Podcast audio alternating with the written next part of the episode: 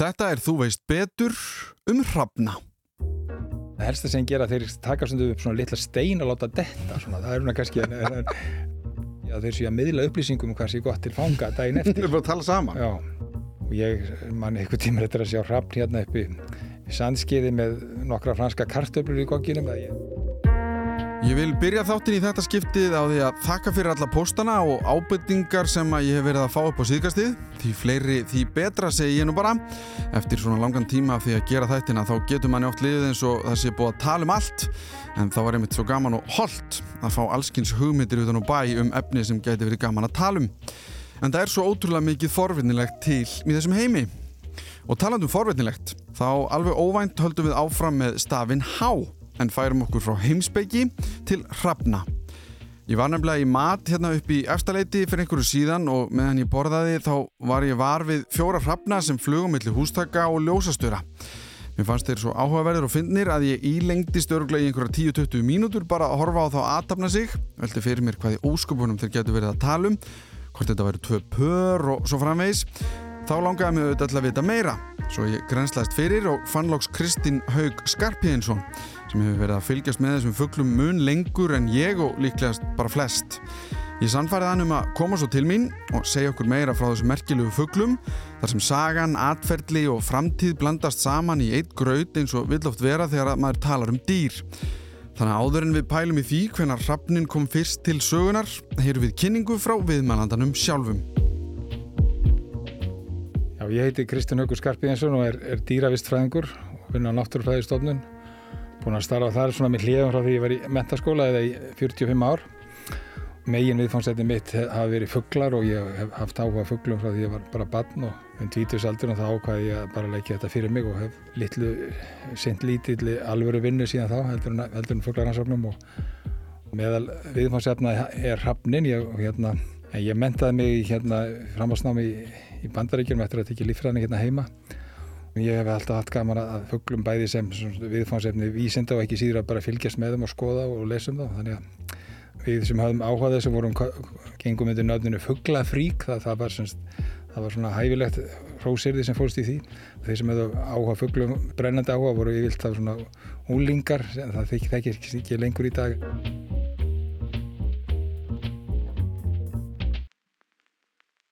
Já, það er náttúrulega eftir í hvað svona, hvaða leið menn fara, mann geta að fara ímsa leiðir en hérna það er þetta að rekja sig, sig gegnum menningarsöguna, varandi Hrafnin, hann kemur fyrir bara elsturítum heims, kemur Hrafnin fyrir einhverju mynd, hann náttúrulega er, er hérna náttúrulega þekktur til dæmis í, í sköpunarsögunni hérna og, og eða sérstaklega þannig þegar menn fara að tala um nóaflóð því að það var Hrafnin sem að nói slefti Hrafni til að kanna hvort að flóði væri afstæðin, Hrafnin snýrinn og ekki aftur heldur læðist hann á náina allt fólki sem hefði druknað og, og þannig að það enda með að nógu verðin að sleppa dúfun en, en þannig að það eru til svona sögur bara, bara allt frá því að menn fór að skrá og í öllum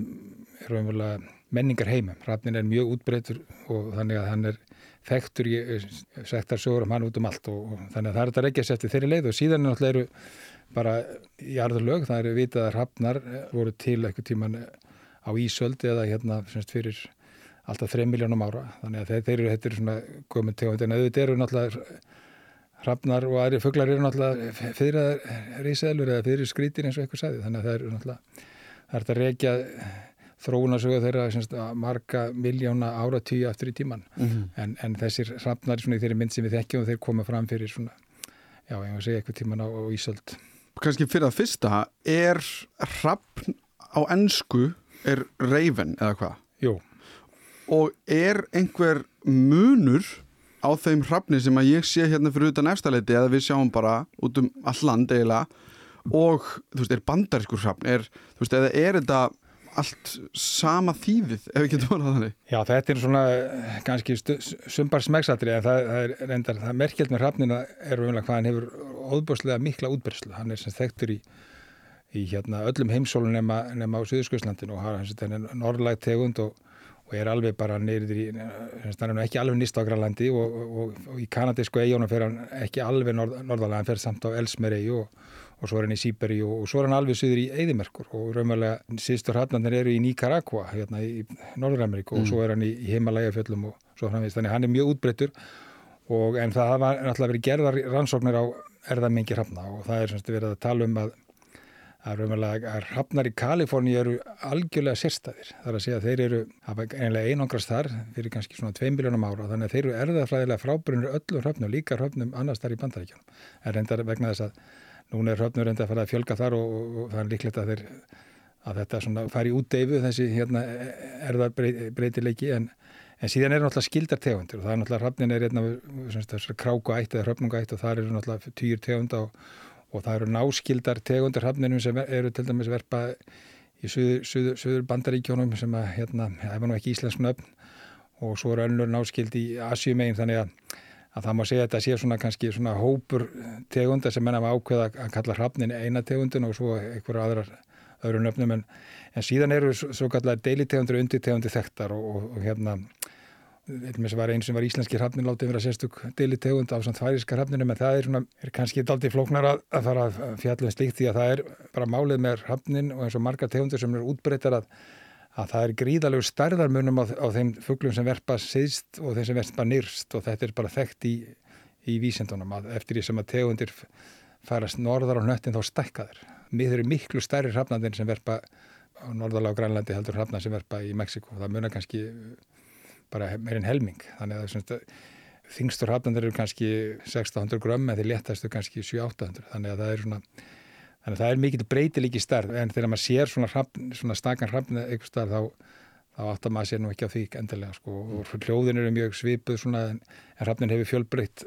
gefur frá sér fjölbyrð hló líka sko. Þannig að maður getur, þú svo hermur hann eftir. Þannig að þetta er allt svona til að gera hann svona daldið hérna flókinu skemmtilegan. En þú sagðir í byrjun að hann er spörfugl. Já, það er bara hérna, fólk hann átt aldrei með að setja sig við það en,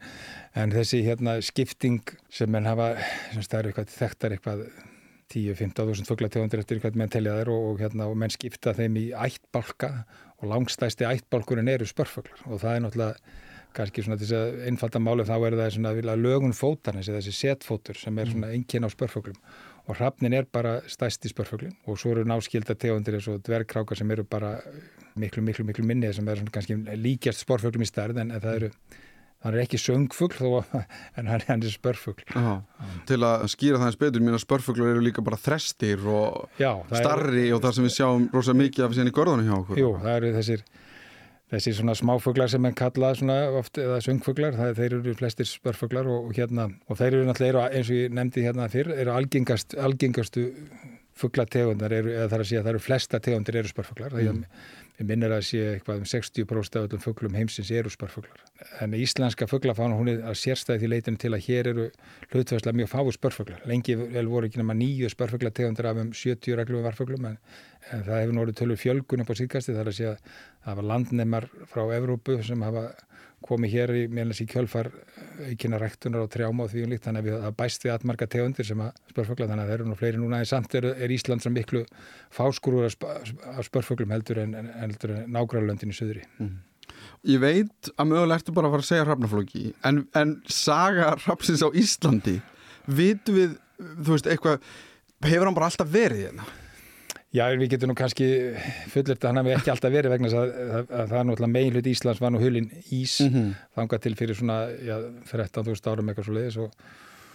það er nú ólíklegt að, að hrafnar hafi hafst hér við svona í svona köldustu tíðanbyrjum Ísaldar þannig að þeir hafa vantar á lumi hér land en að öðru leiti er voða lítið vitað um svona hvað sé að fugglalíf hér á fyrstu,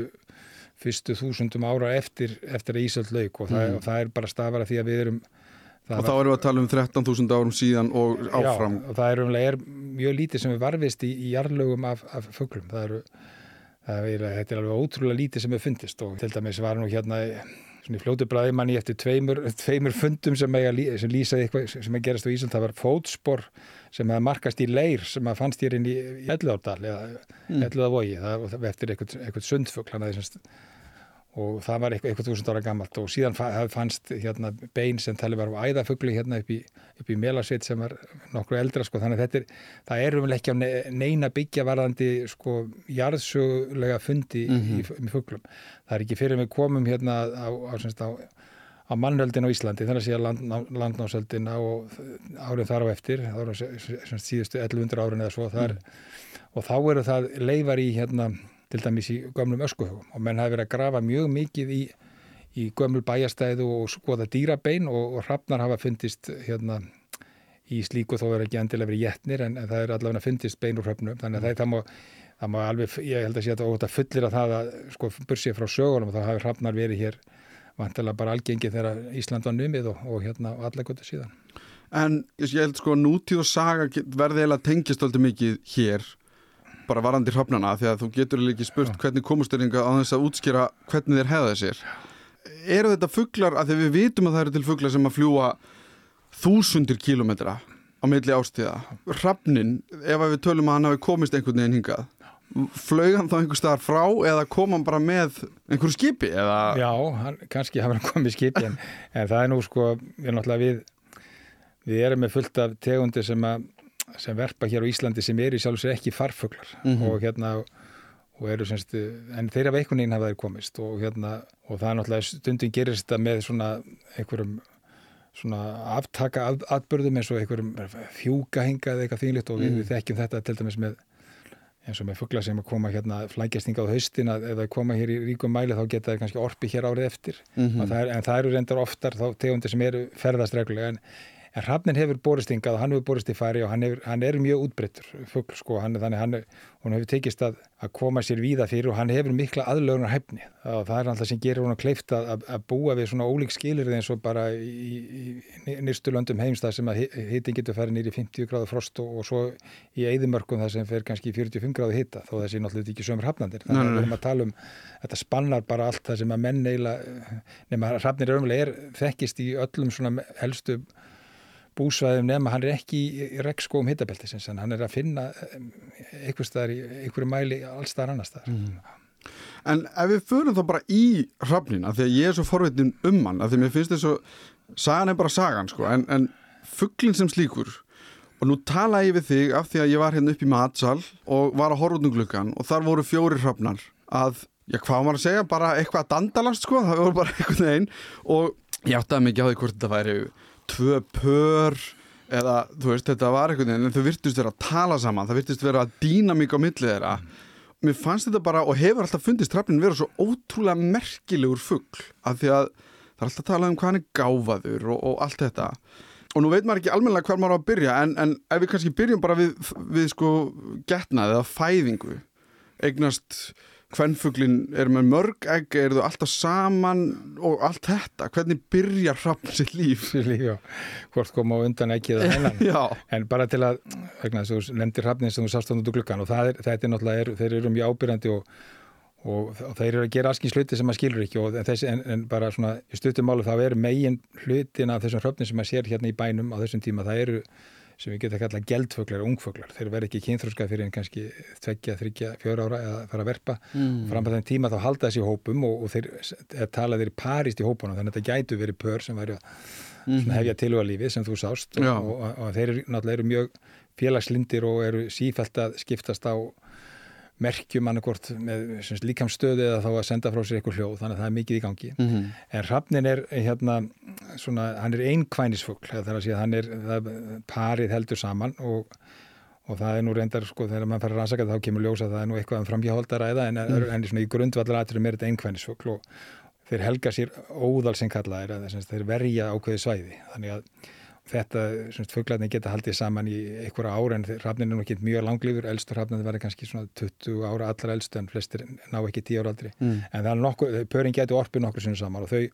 þau verpa mjög snemma og snemma á lífstíðinni? Snemma, snemma á árinu þetta er að sagt, já, þeir, já, þeir, verður ekki kynþróska fyrir en kannski ja, tveggjára geta er orpið kannski mm. það er já, en, kannski oftast aðeins eldri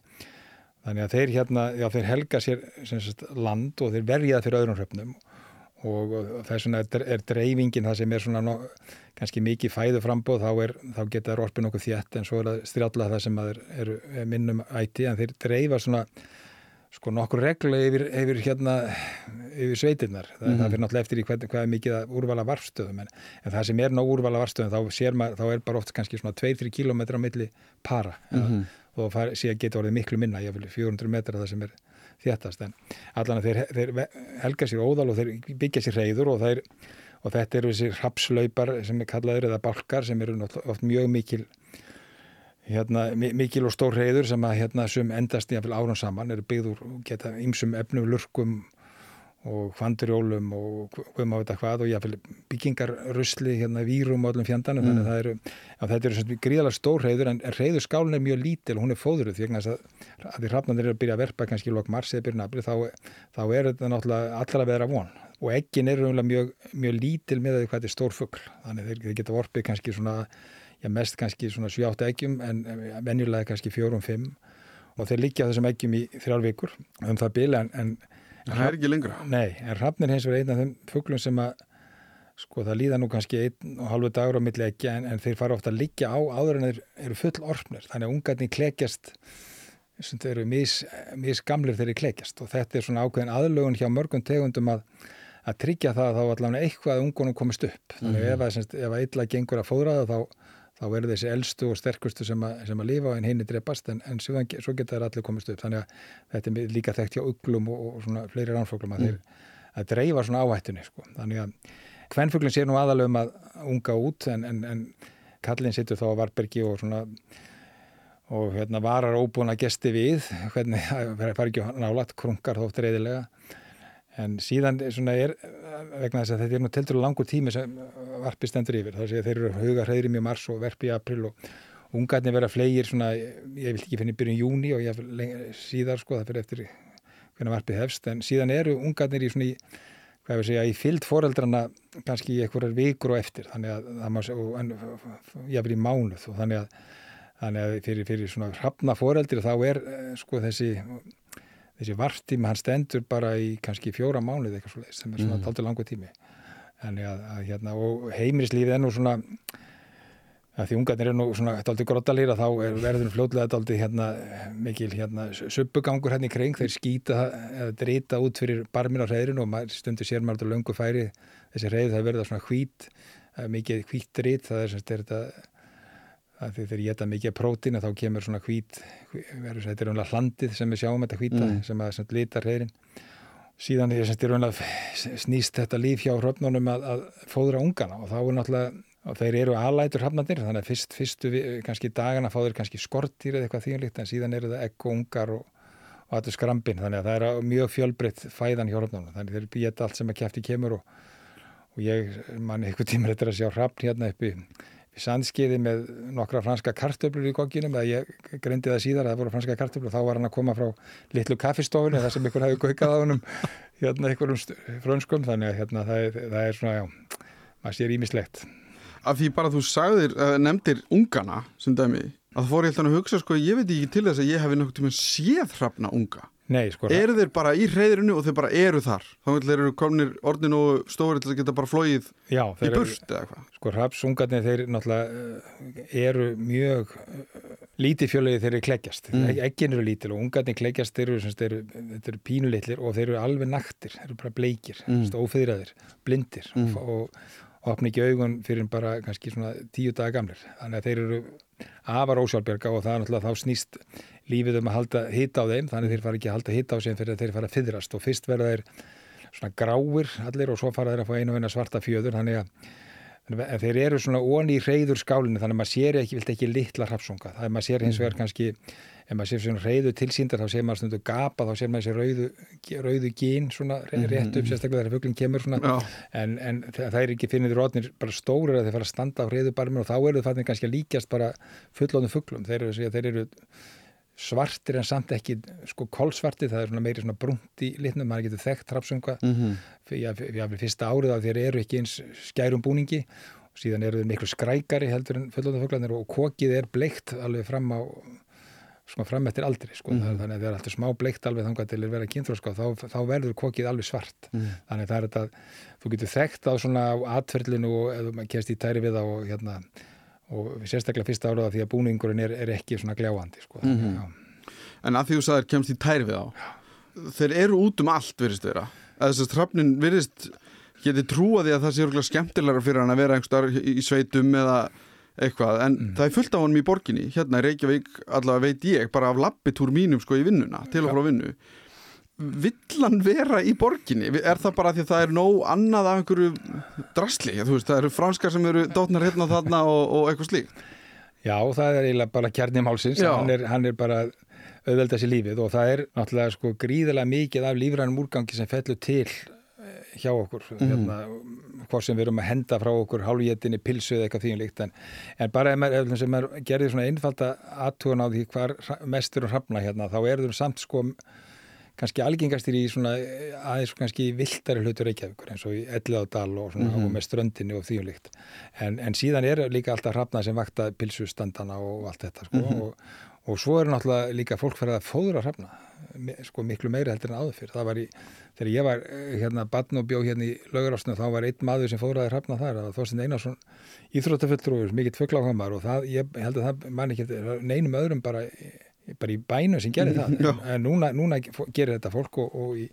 náttúrulega þetta er eitt af þessum hérna, eða menn, með, sagt að guði launi fyrir hrafnir og, og hérna menn fóðruður hrafna áður fyrr Mm. og hendu ykkur góð geti til hans og þannig að, hrafnin er mjög fljótur að, að finna út úr því það sem hvað er ykkur matarhóla þannig að þeir eru hérna í bænum fyrst og næst vegna þess að það er bara auðvelt að komast af hér semst, fyrir yfir vetur Mhm. og, og hérna og síðan eru náttúrulega svona ákveðnar ákveðni staðir sem er sapnast á eins og hérna ruslahaugar sko. þannig að það er nú frægir, frægir staði fyrir máva og, og hérna og hrafna þannig að það er mikið hrafna oft í grend við Álsnes og það áður hérna þegar haugarna voru í gufunis og enn áður þegar voru út í ánánustum Mhm. þannig að en síðan er, er þessi hrafnar sko þeir eh, kannski þá taka mér eftir því hvað eru hrafnarnir á, á nóttinni sem menn sjá ekki hrafna hér á nóttinni neitt sko. Þeir fara í burtu og þeir nátta sig á bara mikið til sömu stöðunum, þeir fljúa langar vegalendir, þannig að helstu tveir náttstæðinni fyrir þessa hundur og hrafna sem eru hérna allmest á höfbarkasvæðinu, þeir eru annars verið í helgafelli fyrir svona hafnafjör, það geta verið kannski 300-400 hrafnar. Og svo upp í Esju, það sem hafa verið taldir í 500 hrafnar, þannig að þeir eru mjög reglubundi, þeir semst, hópa saman á, á náttstöðum sem geta þekktir alveg frá, frá öruvalda og, og sumir telja að, að þessi náttstæðir þeir gegni svona ákveðin hlutverki að þeir séu að miðla upplýsingum um hvað sé gott til fanga daginn Við eftir. erum bara að tala saman Já,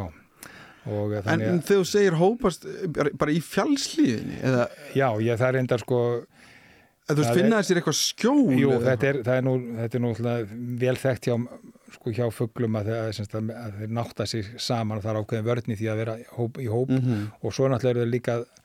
spara orku og komast í skjól þannig að eru, þetta eru, þetta eru, svona, þetta eru klettar eða ég vil bratta hlýðar og ég hef ég hef nú einu sinni reykist á, á svona ekki násta heldur svona síesta stað hrafna í Ingólfsfjalli og þá, það var bara í miðan dag í júni það, var, eru gælt hrafna sem, er, sem eru þar og þar voru, þar voru þeir bara svona í brattri brekku og bara bara steinsóandi þannig að ég bara rakði á upp með, með andfælum þegar ég gekk fram á það sko. mm. að, en það eru hins vegar eru svona nástaðir geta nú verið mismöndi og hérna og til dæmis á síðustu árum þá hafa hrafnar verið að bregð út af valanum og hafa verið að nátta sig í trjám. Og það er til dæmis hérna í í Fósforskirkjugarði og eins í Ellátar þar voru svona tíu hrafnar sem voru að nátta sig í öspum bara hérna sem var nú ekki þekkt eh, fram að því og, og svo gerist það líka fyrir nokkrum árum að, að það var búið gríðarlega mikið af, af einhverjum svínaskít með tilirandi gummilaði á, tú, á tún og agra í Gunnarsholti og þá voru hrafnar þar sem, að, sótti það fínir í að þeir fóru bara að sofa í öspunum við Gunnarsholt staðan fyrir að fljúa upp í þrýðning sem þeir hefur gert vennilega þannig að og í útlöndin náttaði þessi á háspönum östurum og fleira. Þannig að þetta er svona Þeir vilja þetta vera saman, hvort þeir eru já, já, það er þessi, þessi, þessi, þessi geldfuglar sko, þeir eru mjög félagslindis og vægt sér tjórað tekið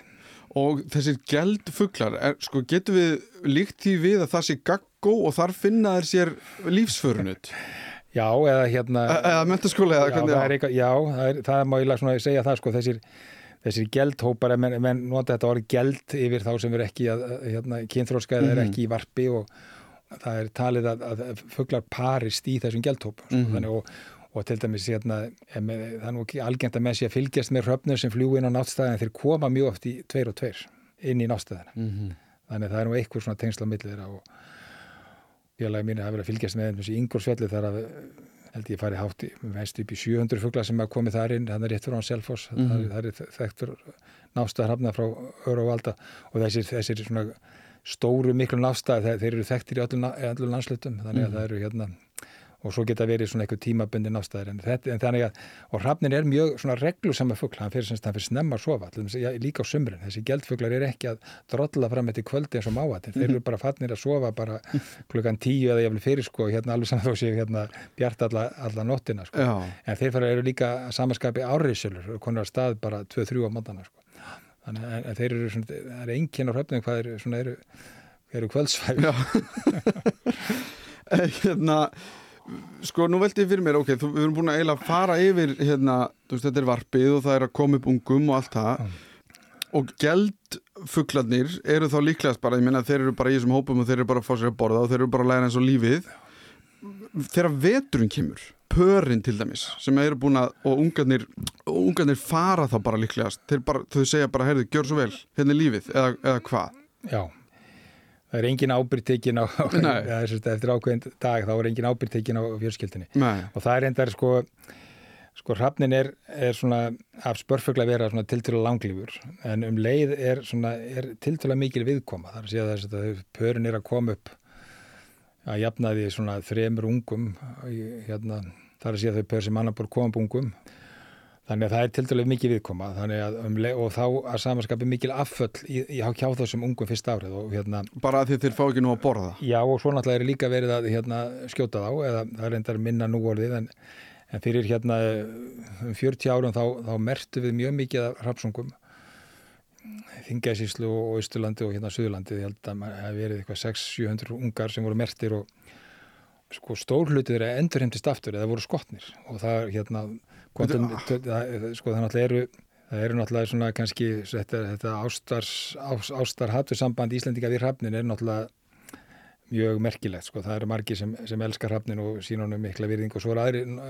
aðrir eða einhverjir sem hatast við hann, finna honum allt í forhátt vegna þess að að hrafna náttúrulega gáttu valdi búsifjum, þeir lögðust á afvelta fjö og, og hérna rollu sem voru að bera og tóku lömp og fari í æðavörp og geta mat og gera allskis hundakunstir. Þannig að, þannig að það var sagt, tímabili var mikið gert að því að, að hérna, drepa hrafna og, og jáfnveil stundum svona mjög stórtækt þar að það var eitra fyrir sem er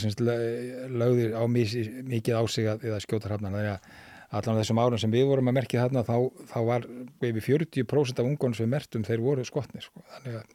og, og þá ekki til matar heldur nei, bara bara til að, til að, til að bara sko til að drepa þá og Mm. hérna og, og að mínum mati var það svona sko eiginlega tilgangslöst vegna þess að á þessum tíma var náttúrulega nóg æti allstað og þeir, þeir voru í sjálf sér þessir ungar voru ekki að gera neitt óskunda en menn hugsaðu sér að þeir var þá að koma veg fyrir að þeir myndi lifa þó, Mhm. og valda að skada síðar en, en það er náttúrulega með mikið af þessu svona þessum fækkunu aðgerðum sem, að, sem hefur ráðist í svona við, á algengu tögum þá eru menn oft bara að taka svona kúfin af stofninum það er að segja þegar vetu gengur ekki alveg þá grísjast stofnin þannig að það er eins og til dæmis mingarnir eru hérna minga hvolparnir fara á kreik á haustin og hérna og menn eru að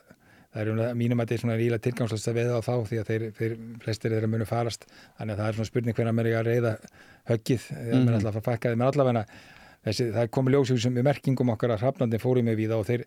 og þeir sko, þeir bara dreifast eila svona næstu tilnökkjant en svo endaði náttúrulega ofta á stöðum það sem er mikið æti. Til dæmis voru hrafnar sem við mertum á Jökudal, þeir voru bara nást bara eftir síðsumars í Mývarsveit og þá voru þeir að fljúa hrafnandir þarna úr yfirrömmulega eðimörkina, hálendis eðimörkina mm -hmm. og lendur svo bara í þessum græna, þessi grænu vinn sem Mývatni er með mm. sínum í sínum 100.000 öndum og allir þýjum líka. Og fuglum, nei og flugum og... Já, já. þannig að það var, þar var hérna mjög döglegur veiðumæður sem, sem náði mörgu fuglum og þannig að það komi ljósa þeir, sko, raunverulega hrafnaðir sko fara hérna landslut á milli. Við mertum hrafnað til dæmis í Hólmanessi við, við Reyðafjörð sem voru skotnir hérna á öskuhugunum í Guðunessi, bara fóru þvert yfir Ísland og mm. þeir, þannig þeir, þessi ungfugla þeir flakka mjög víða, að en, en þeir þurfum veginn að finna fjöluna sína þessir ungar, þannig að sko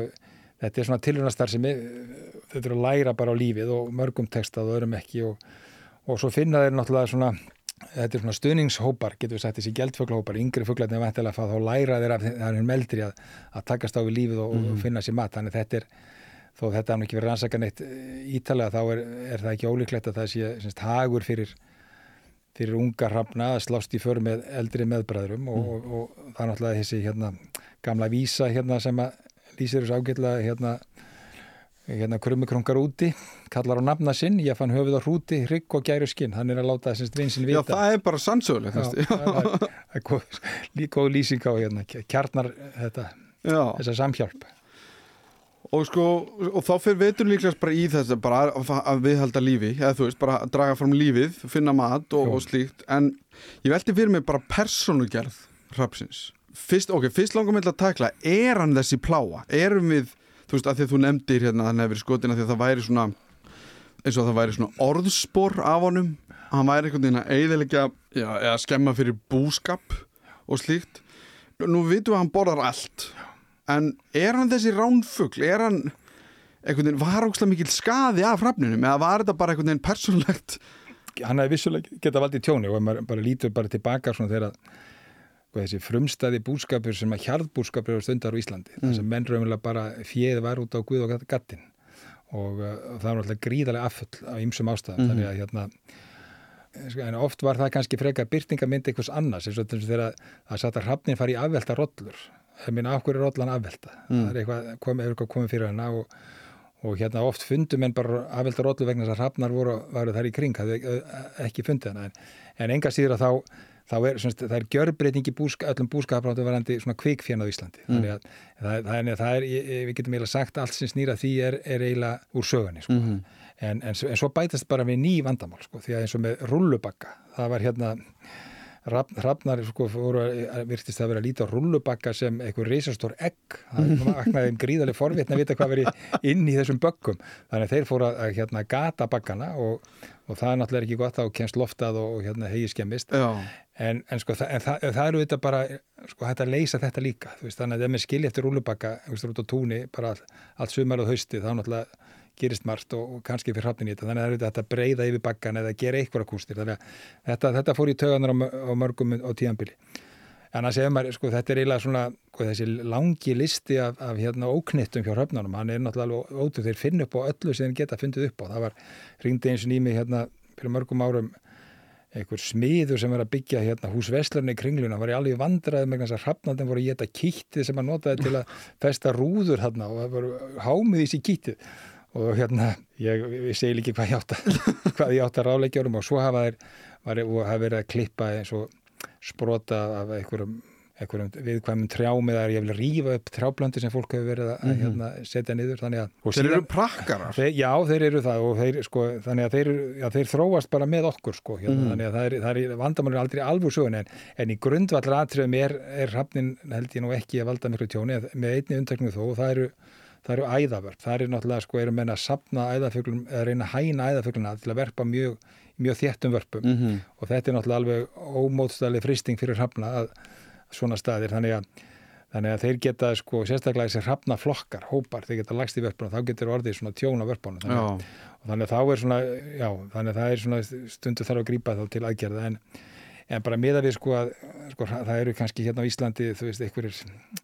10-15 hrafnar í mestarlægi sko, örf á þúsund para. Þannig að hérna, og það er óðbúrslegt frambóð af allskins æti á þeim tíma sem að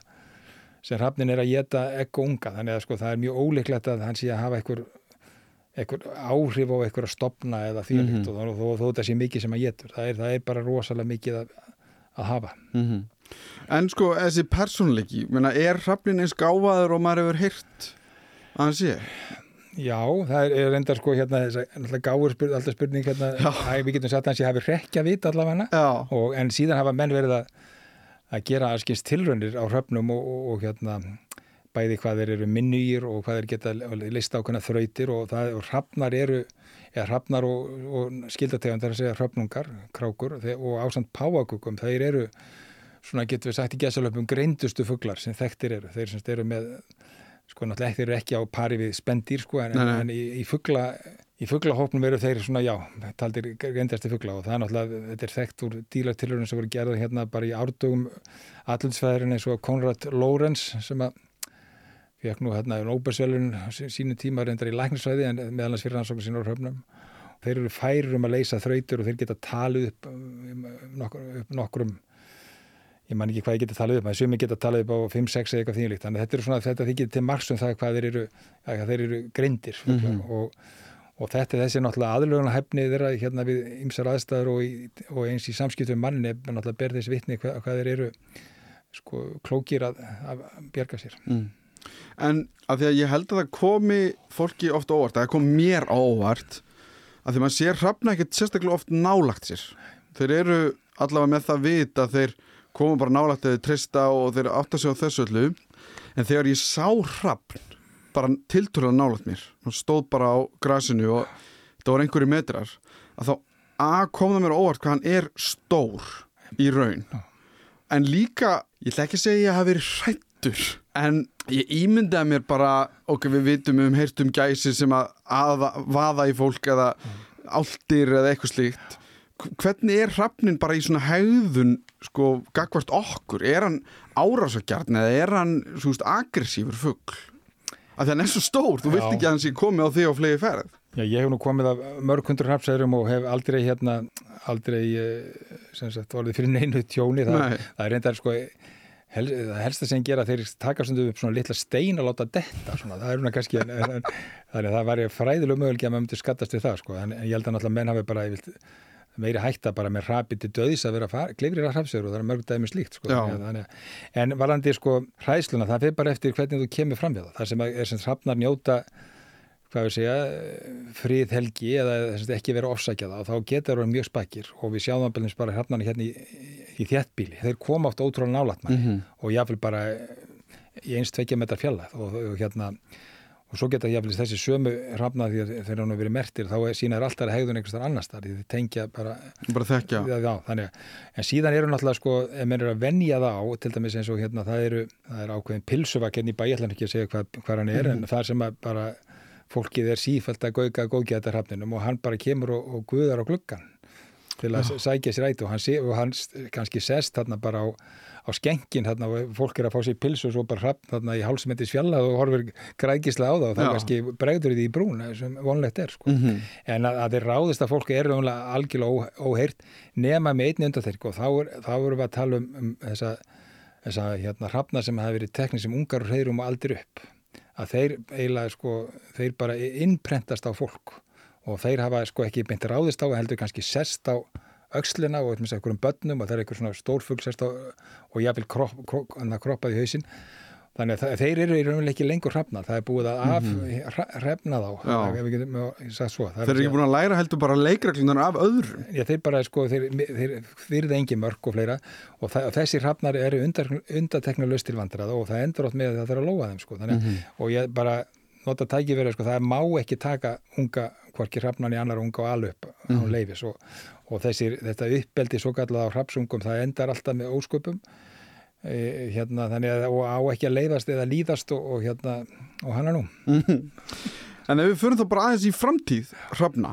hver er hún, hvernig lítur hún út? Er þetta bara hérna, er þetta framtíðar hvað sögum við, þjóðarfugl Íslandinga Þjóðarfugl. Já, hann er kannski þjóðarfuglin bara í raun með að við svona þessar sögur og sagnir sem eru til um hann og, og hvað menn eru hrifnir á hann og ég held að hann sé svona óformlegu þjóðarfugli en, en ég held að hann sé svona tiltula björt. Það eru hérna, sko það er náttúrulega skipst á skín og skúri, ég nefndi hérna þegar menn voru í þessum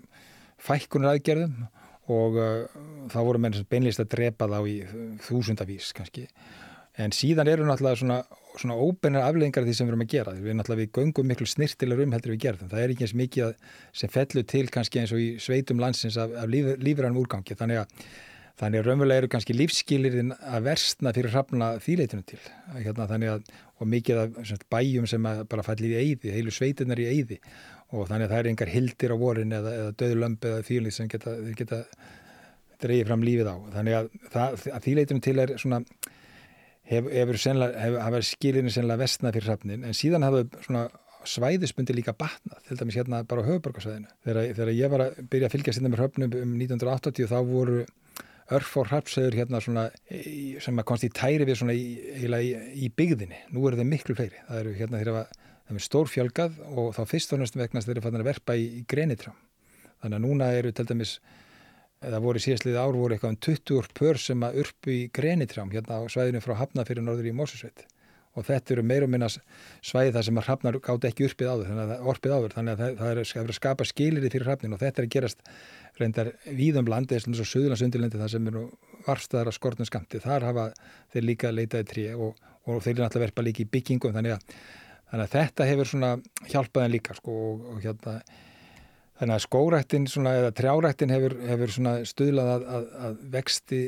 að staðböndirhafna en síðan til lengri tíma getur hins að skórættin kannski ekki verið eins góð vegna þess að það lokast landið og þeir hafnin veið, sko, veiðir meira og minni í opnu landi þó hann verpi mjög oft í trjám og, og í skóum þá þannig að það hefur þekkt í Skotlandi að það hefur hröfnum fækkað á svæðin þar sem, hafa, þar sem mikil, er mikið skórætt. Mm.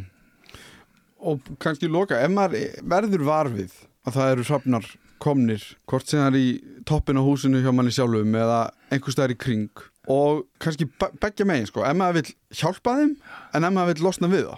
Hvor, hvað hva, hva, hva að gera já. Já. ég er endar sko bara svona almenn reglan í samskiptu við dýr er eiginlega bara afskiptaleysi já, það er eiginlega sko hérna sko maður á korki hérna að vera að laða að mínum að þetta vera að laða dýr að eða fæla þau, þau, þau svona sjáum þetta sjálfa stórun hluta, auðvitað hafa sumir gaman að því bara að, hafa dýrin álat sér og fóður á allt það sko en, en hérna, en auðvitað hrafnin stór og mikil skeppna og hérna mikil læti honum og, og, og það eru sko, ég veit um fólk sem hafi hrafnverfandi bara í, greinitri í Garðinjásun og það helt út í tvö ár og svo hérna fannst þið nóg komið og, og þá rálaði nú bara steipa undan hann strax um vorið og hann myndi flytja sig sem hann gerði, hann flytti sem 100 metra og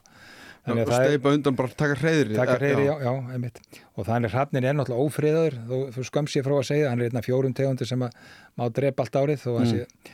þannig að þannig, þannig er nú það